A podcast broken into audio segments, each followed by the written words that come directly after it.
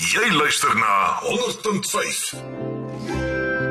And then that is when the kid will open up and tell you that three years ago or five years ago, you know, I went to an awareness uh, campaign last week, Friday. And yesterday I gave out my numbers.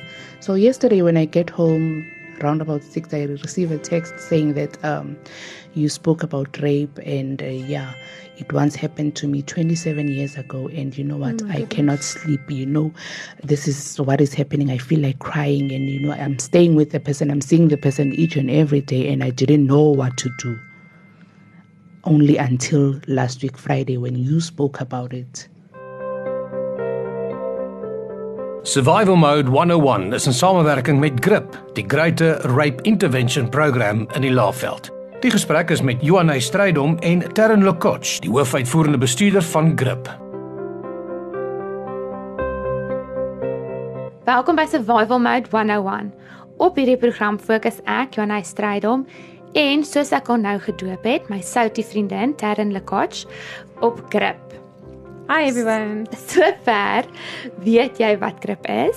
Jy het al saam met ons van grip se spanlede ontmoet en gesels oor die mediese aspekte van verkrachting. Simbongile was laasweek hierso en ons het gesels oor die Hearts Not Heads pro, uh, program wat grip reël. Dit was nou 'n mond vol. So kom ons sê net eers welcome to our guest Farida Mashaba. Thank you very much for having me. Fareeda, let's start with you. Who are you? How long have you been at Grip? Why did you start at Grip? Take it away. Ooh. um, thank you once more. Um, my name is Fareeda, as she said. Um, born and bred in Nelspruit, mother of two, second mother of two. Um, started working for Grip in 2016. Um, getting a job at Grip was uh, one of, um, could say, the lucky moments because I went there to ask for voluntary work. And then the previous CEO they then suggested that no, you can't be a volunteer after the interview. She said that no, you can't be a volunteer. No, we're going to find something for you to do around GRIP. So that is how I got to GRIP, and yeah, here I am today. And what do you do at Grip? okay, um, I am a awareness and linkage officer. And you, that is? Uh, awareness and linkage officer is basically whereby uh, if a survivor comes in and they um, need to be linked to other services, that's my duty to link them. Um, they test HIV positive. It's my duty for for me to see that they get uh, their ARVs you know, and to also other other services. Maybe let's say they want to see the social worker. I need to make sure that they get those services. So yeah, I link. I actually link to care, and on the other awareness side, I do awarenesses in and around um, Nelspruit uh, and the outskirts. Um, awareness raisings I do at schools. I also do at communities. I do in churches. You name it, and I'm there. And I'm creating awareness there. Yes. so you started at Grip in 2016. Yes. And you are an, an awareness and linkage officer. And basically, just to summarize, you supervise over awareness campaigns and you also hold them. You're also very actively Yes. involved in them and you review survivor files. Yes, I review survivor files on a daily basis. That's my my duty uh, uh, uh, on a daily basis. If I'm not on the ground, if I'm not on the field, um, the case files that are documented, I get to review them to see that everything is documented correctly. Did you receive the services that you require? And um, uh, uh, do I have to refer you to other stakeholders? Yeah, basically that. And you mainly deal with gender based violence victims. Yes, I do. Um, I do uh, deal with gender-based violence victims, and you know, sometimes it, it not only gender-based violence, even child neglect, and uh, we've been seeing a lot of number of cases whereby kids are being abandoned. So yeah, I'm the first person to be called. So also uh, social sort of in a social service direction as well. kind of, yeah, yeah. A lady of many talents. Could say that, yeah. So let's look more to the gender-based violence um, topic. Okay. What is gender-based violence? Has it gone up recently? Has it gone down? Is it more in families? Is it more random? How are things looking? So at the moment with gender-based violence, um, the reason why I know that it's gone up recently and that we're seeing quite a few more cases in our hospitals is because um, we, which like we chatted when we were preparing for this, we've run out of care packs. Um, we have a few left, but we're running low. And it's always when we run low on care packs that I know, oh my goodness, you must have had a, a lot of cases because a, f- a week or two ago I saw that our whole room was full of care packs, and then suddenly we we really have none left. So reviewing the stats, I must say that definitely um, the number of GBV cases lately is on the rise, um, and the concern with the GBV cases that we're seeing is that a lot of them is really young um, kids. It's young children that are being um, abused, um, you know, violated, raped. Um, and I think also because we've recently opened um, our hospital, sorry, our police station care rooms to be 24 hour um, care rooms, we generally are seeing more cases. A lot of cases are being reported hours during the night um, where we didn't see those cases before. We would try and get them to come back to the police station in the morning, but it wasn't, you know, frequent that they would return um, to see our social workers and to get their, the, the grip services. Um, so now that we're 24 hours, yes, definitely. Um, we are seeing more cases, and GBV is, is certainly on the rise. Hey, Fareeda? Yes, it is. Um, to add to that, uh, the funny part is that uh, most of these cases that we see, they are incest cases. You know, it's family members, your uncle, your grandpas. So yeah, it's on the rise, and um, it's not like we're not doing awareness, but we are doing the awareness reasons. Ooh, one could say it's demonic. I don't know. It's actually it is, it's yeah, actually a pandemic so uh, that we are facing and we don't know when and how it's going to end and how but um, definitely we'll keep on uh, raising the awareness to the communities and uh, saying that it is wrong and you know But I think we can look at it from two ways. I think we can also look at it the fact that we're seeing an increase in the number of cases being reported is perhaps um, just the results of your awareness is being effective. You know, the whole point that we go into the community to do, to do awareness is not necessarily to stop GBV because we know that we're not ever going to be able to stop it completely, but it is to make people aware of our services and how to access our services. So I think the fact that we're seeing an increase in cases and we are helping more and more people is perhaps just, you know, well done to you guys and your team for doing such good awareness in the community. Thank you. And and basically, when you're doing an awareness at the school, let's say it's a primary school, immediately when you speak of rape and you go into the interims of rape and stuff like that, you will see from the audience that there's some fidgeting, you know, and some looking away, and you'll see that there's a problem there. And after the awareness session, they will come up to you and say that you know what you just spoke about now has has once happened to me. And then that is when the kid will open up and tell you that three years ago or five years ago you know i went to an awareness uh, campaign last week friday. And yesterday i gave out my numbers. So yesterday when i get home around about six i received a text saying that um, you spoke about rape and uh, yeah it once happened to me 27 years ago and you know what? I cannot sleep you know? This is what is happening. I feel like crying and you know i'm staying with the person. I'm seeing the person each and every day and i didn't know what to do. Only until last week friday when you spoke about it so I feel that you know the more awareness raisings that we are doing, it's the more that um, the cases get reported. You know, 27 years ago, can you I believe know, that living with It's very sad. yeah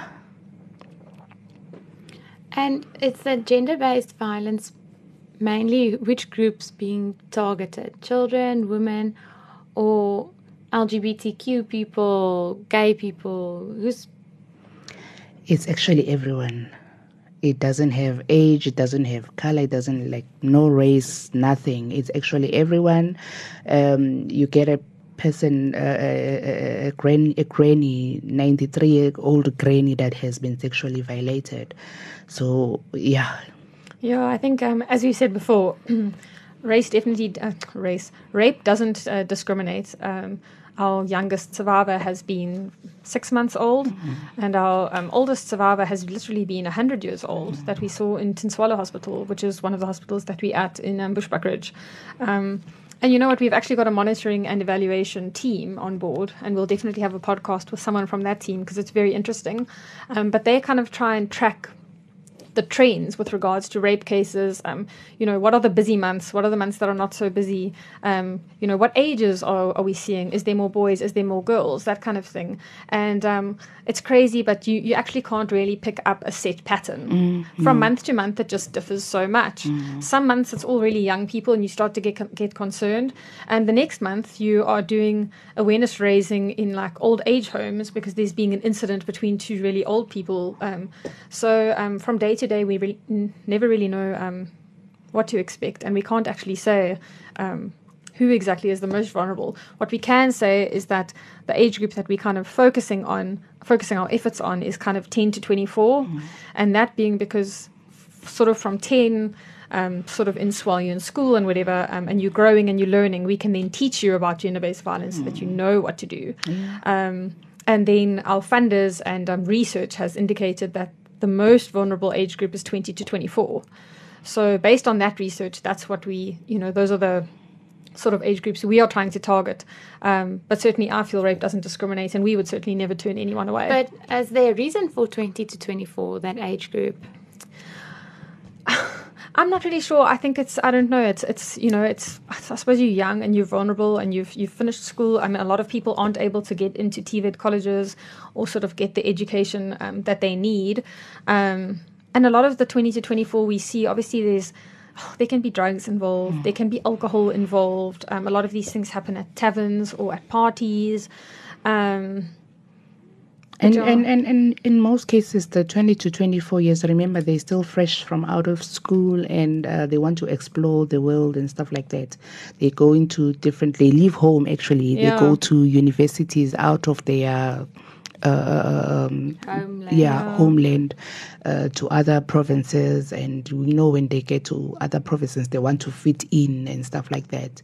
So they get to be exposed in many things, Yeah. you know, and uh, clubbing, and that's where uh, most of these rape cases happens. You know, sometimes when you go to the universities over the weekend on Monday, that is when you'll hear most cases have happened. You know, uh, they were in the club, they their drinks got spiked and stuff like that. You know, some of them they they they they looking for father figures in the wrong people. that's you know? exactly it. Yeah.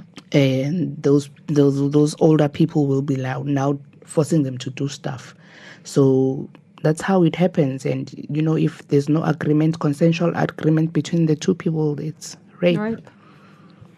So, where should gender based violence victims go? If I was a victim now of gender based violence, where should I go? oh okay um let's say i'm gonna speak of domestic violence um if you Yes, let's focus on domestic violence. Yes, I'm going to speak of domestic violence. If you happen to, if you in and around Nelspruit, it happens to you that you you were violated like that. Um, the next point of entry is Nelspruit Police Station. Very, very in the open as you walk into the ECS CSC uh, charge office. The, the the the door that you are looked, the door that you are facing is the um, um, care room. Uh, you go you go in there. You will meet our first responder there. They will welcome you. Uh, make sure that you are comfortable. Remember, you know, we handle pain in different ways. Uh, might be crying, might be shocking. You know, sometimes you don't believe that the person you've stayed with for years and years could assault you. You know, so it's very very shocking. So you need to first calm down. We don't pressurize you to like now start talking. Our time is going. No, we, we make sure that you are comfortable and and after that when you are ready to talk then we start talking and then you narrate your story and how it happened and stuff like that and then afterwards that that is when we get to go call um, a, a police officer to come and take down your statement that's if you want to open a case against the person you have options. You know we narrate the options to you. We don't tell you what to do. We actually say these are your options. You can either get a protection order or you can open a case. That is what we do. What is a protection order? Okay, a protection order is a legal and binding document that is used uh, by, by, by, by that is obtained at the court. Um, first of all, you do not ha- you do not need to open up a case to obtain a protection order. Any person, as long as you're above 18, you can obtain a, a, protection order. And funny enough, you don't even have to be a South African to obtain a protection order. You know. Um, protection order uh, we, we, we, we, we we guide you to say that if you want to open a protection order these are, st- are the steps to follow. And we go with you to the court in order to obtain the protection order.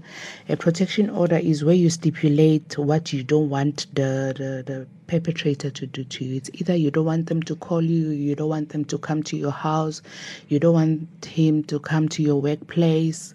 You know whatever that you feel that you don't want is what is uh, uh, um, included in the protection order. But there is a, a, twist in that protection order because if you now say you stipulated that you don't want to be called, and then now he calls and you answer, and then you get into a conversation and stuff like that. Now you have now violated that protection order, and if you go and call them back and stuff like that to say that you received a missed call from them, you are violating that protection order. So um, we need to be very careful and uh, not make um, hasty de- decisions because uh, at times, you know, it, it, it goes and um, backfires on us. Because now when the person comes to your place uh, they have violated the protection order you allow them in they beat you up you go back to the police and say that he came to my place and he has beaten me up. He has the right to say that you were the one who invited me over. So they cannot goes arrest they cannot yes, they cannot arrest arrest now the person Because to say you that are they violated you it. you're the one who has violated it And in order, you just, I just wanted to emph- emphasize, you don't have to open a case in order to No. get a protection order. no That's you don't you don't have to open a case you know uh, um obtaining it is your it's part of your right yeah i can put it that way. It's part of your right that you can open it without you know and and and even when the police may be saying that uh, let us have an intermediary session let us bring the person in so that you guys can talk. No you don't want to talk No. do that. You will You do that the when the protection order um, remember when the protection order is issued there's a date that is going to be set that you come over to the court and then the magistrate will will like be the one doing the intermediary and you tell your story and he tells his story and then uh, he decides on what's the way forward from there so he yeah meaning the magistrate. Yes, yeah. the magistrate magistrate. will decide the way um, the way forward from there. And yeah, I think it's important that everyone knows that you know you don't get a, a protection order. It's not a piece of paper that you then go and give to the perpetrator or the person. That that protection order needs to be served to Mm. Them, and it's um it's not served by you yourself. Yes, uh, um, thank you very much, Tarryn. Uh, the, well, once we return from the court with the protection order, we record the protection order down. We register a protection order. It has a protection order number, and uh, a police officer will then go out with you to serve the protection order. You do not serve it yourself. But do you have to go with? It depends if you were comfortable with going with. You know, sometimes you know there are places uh, they they cannot. It doesn't have an address and stuff like that. Um, you need to go and show them where the place is. But if it's in around town and stuff like that, the street names and stuff, it's much easier. And remember, it can even be served to to the perpetrator where they work. Yeah. It does not necessarily mean that uh, when they are at home, that's all. That's when they they, they, they can serve the protection No, order. as long as it's served in person. Yes. Yeah. And I think it's it's also important to note that you know if you're opening a protection order against somebody and you then don't feel safe continuing to live with that person or near that person, um, obviously then we can refer you to our shelter, which we've had a podcast about before. Um, but when you go and serve that protection order, or even afterwards, um, people think that they're stuck and all their furniture is stuck and all their clothes are stuck. No, it's not, because the police will go with you to collect all of your belongings that you can then take with you and leave.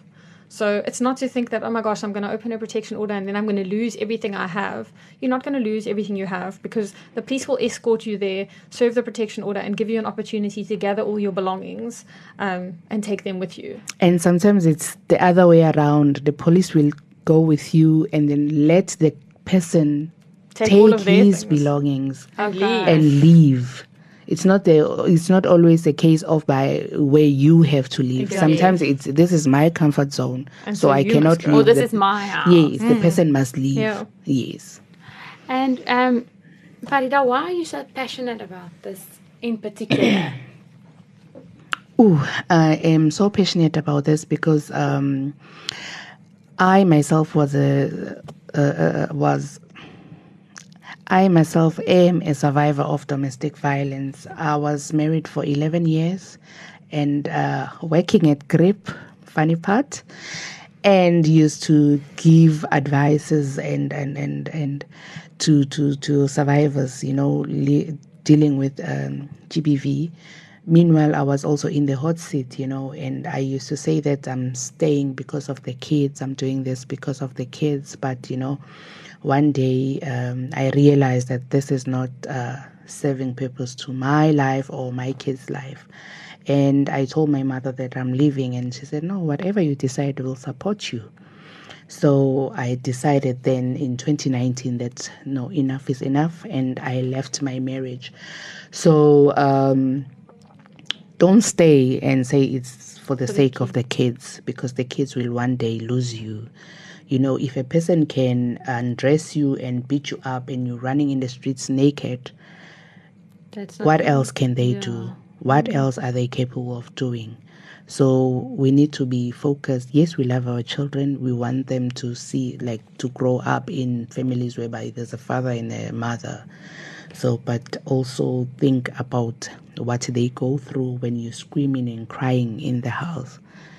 So yeah, so that's why I am so passionate about this, and also to say that um, life hasn't been easy. It has been quite a roller coaster from a young age. You know, a lot of things happen in my life, and only now, only at a later stage, and I realized this was abuse. And uh, yeah, the more I speak about it, the more I heal. Helping is healing. Yes. Yes. Thank you. So I always ask you guys, all the team members of GRIP, what is your motivation? What's your motivation to continue? Every day you deal with women who have been beaten up or children who have been raped and what keeps you getting up in the morning and saying, I'm still going to do this? You know, at times I look at this like it's a calling, you know, mm. To help. You know, sometimes I, I'm, you know, I'm one person that um, even if I don't have, but the next person must have something, you know. Um, I feel like everyone deserves to be happy. And I and I always say to people, you know what, when you go through something, share with someone because you cannot deal with something alone you know so i always say that um, you're not alone we are here for you. And and and remember at grip we we we, we have confidentiality uh, policies and uh, it's not a policy a policy. We we abide we live by it. We know we don't need to be constantly reminded of confidentiality and stuff. I can walk up to Tarryn and pour out, pour my heart out you know going through some challenges and say this is what this is what it is you know sometimes you feel like no I, I, i'm not enough in this world and stuff like that but she will pick me up you know lift me up and we carry on from there. And i feel that each and every woman can can have that sense of uh you know thinking to say that you i'm not alone. I know there's people who care. Even if they are not family even if uh, uh, um, you know sometimes people in, in in our communities there's people that say that um, there's a saying Guti, um, what will people say Yeah. ne? if i leave my marriage what do What people, will people say? yes Yeah. they will gossip Judge about me they'll judge me you know discrimination and all that so yeah i feel Guti, when you are not alone we are there No, and the moment I always say the moment you tell your story, people will be like, Wow, I'm not alone. And then that will automatically allow them to share their story. exactly And sooner than later you'll be five people sharing your story and seeing that you aren't alone. You you have someone. And also to add to that, you know, when I, I do my awarenesses, I first tell my story because you know it is good to hear to hear it from some from someone who has been through it, mm, and and and and the more they see that man, this person, she said she's HIV positive, but look at her, you know, really, is she? No. Is it true? You know, when you come out mm. w- of that session, people will come to you and say, you know what, you made me brave to speak up about what I, what, what I went through. Yeah. You know, I didn't think that people there are people who goes out there and share their stories of what has happened to them. So yeah, And if parents are listening today, or you are a young lady listening today, or whoever's listening today, if they take one thing, one piece of advice, what would you say should it be? If they just listen to one thing we say today, what would that be? you are not alone. Yes, there's always Yeah, someone there's always someone. here for you. And I think it's something that we speak about at GRIP all the time. I don't know. People speak to us at GRIP, and um, you know, you, you even asked, and, and a lot of people ask us like, "Why do you guys do what you do every day? It must be such a difficult job, and what keeps you passionate?" But like, GRIP is basically, I mean, not everybody has been through something, but majority of us have. Like, we're an army of survivors, Yeah. and um, we're proud of what we've been through. Um, we've made it. We we still are all successful women, and you know, living our lives, and we're happy. We found happiness.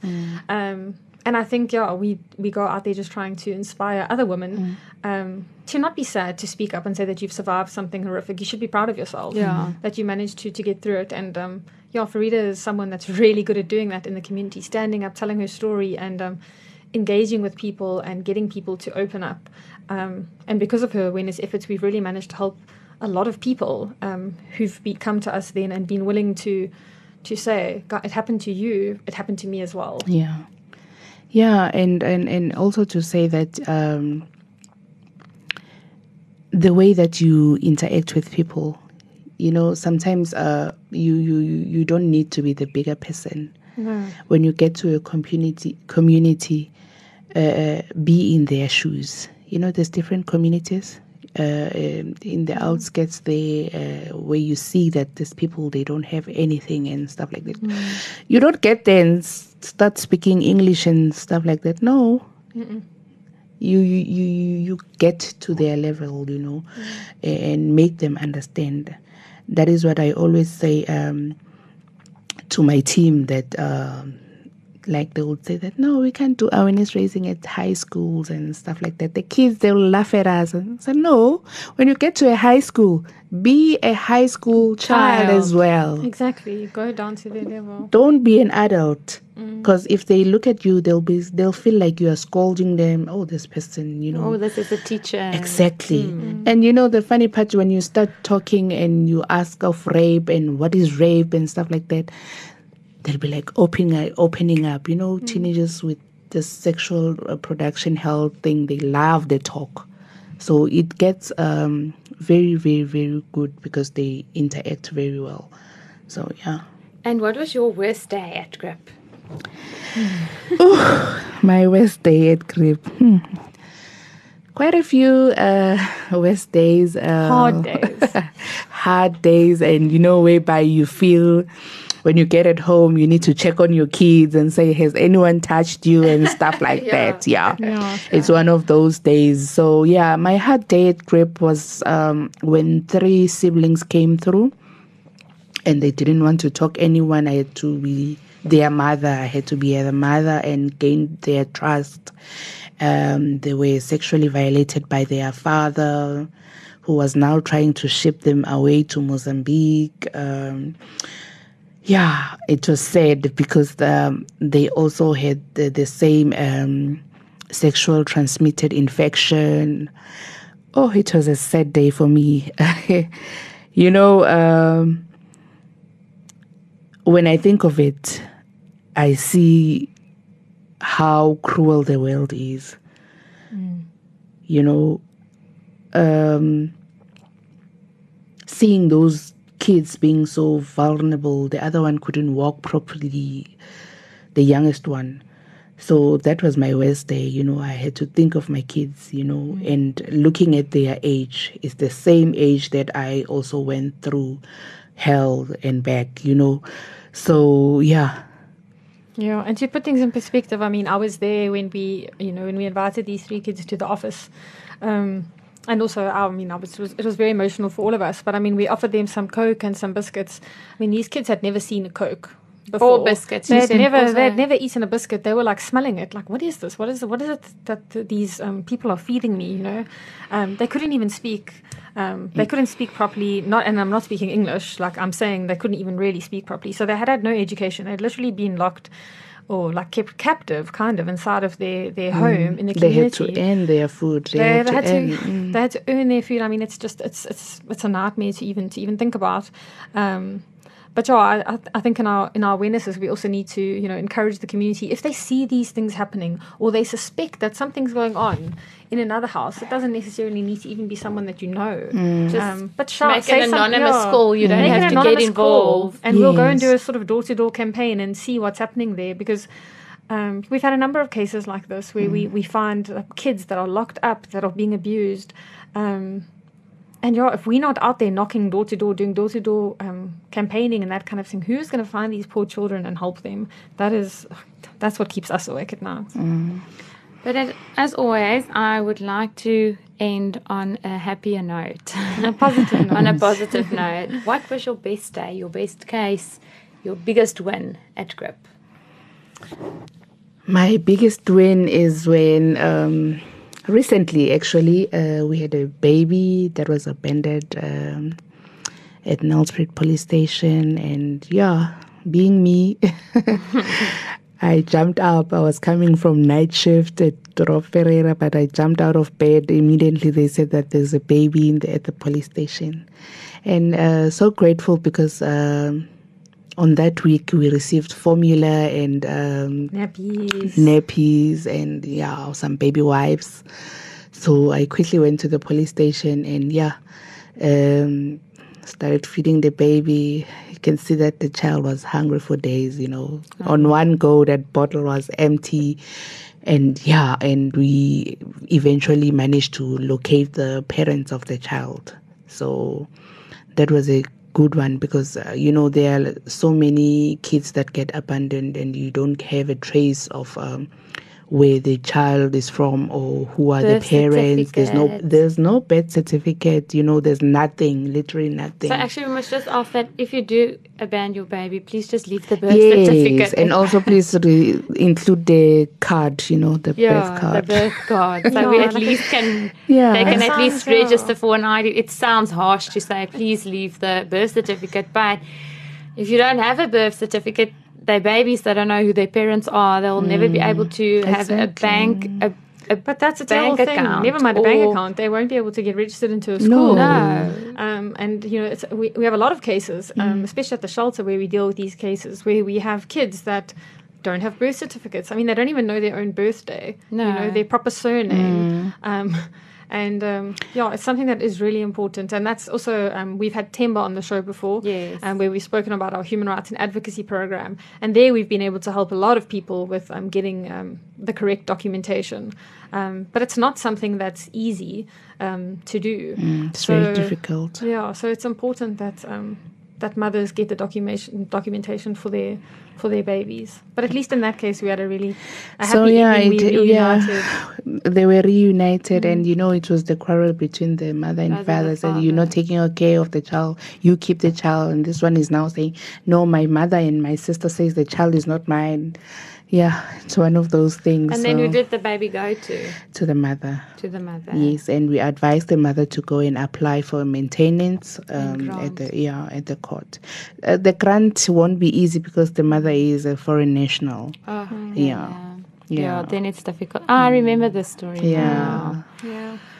Ladies, thank you for your hard work, Fareeda. I think you make such a big difference. Whenever I thank you guys for coming on the show, I always want to cry because I never imagine the world is already such a difficult place. And then just imagine if you weren't doing what you were doing, I think it would be so much worse, you know? So thank you on behalf of everyone who will use your services. Thank you. Yeah. Thank you for what you do. You know, Fareeda, you're a mover and a shaker. Yeah. a big Uh, asset to thank, group. thank you, thank you very much uh, for having me. And um, really, I'm passionate. You know, you wake me up at 12 o'clock, I jump.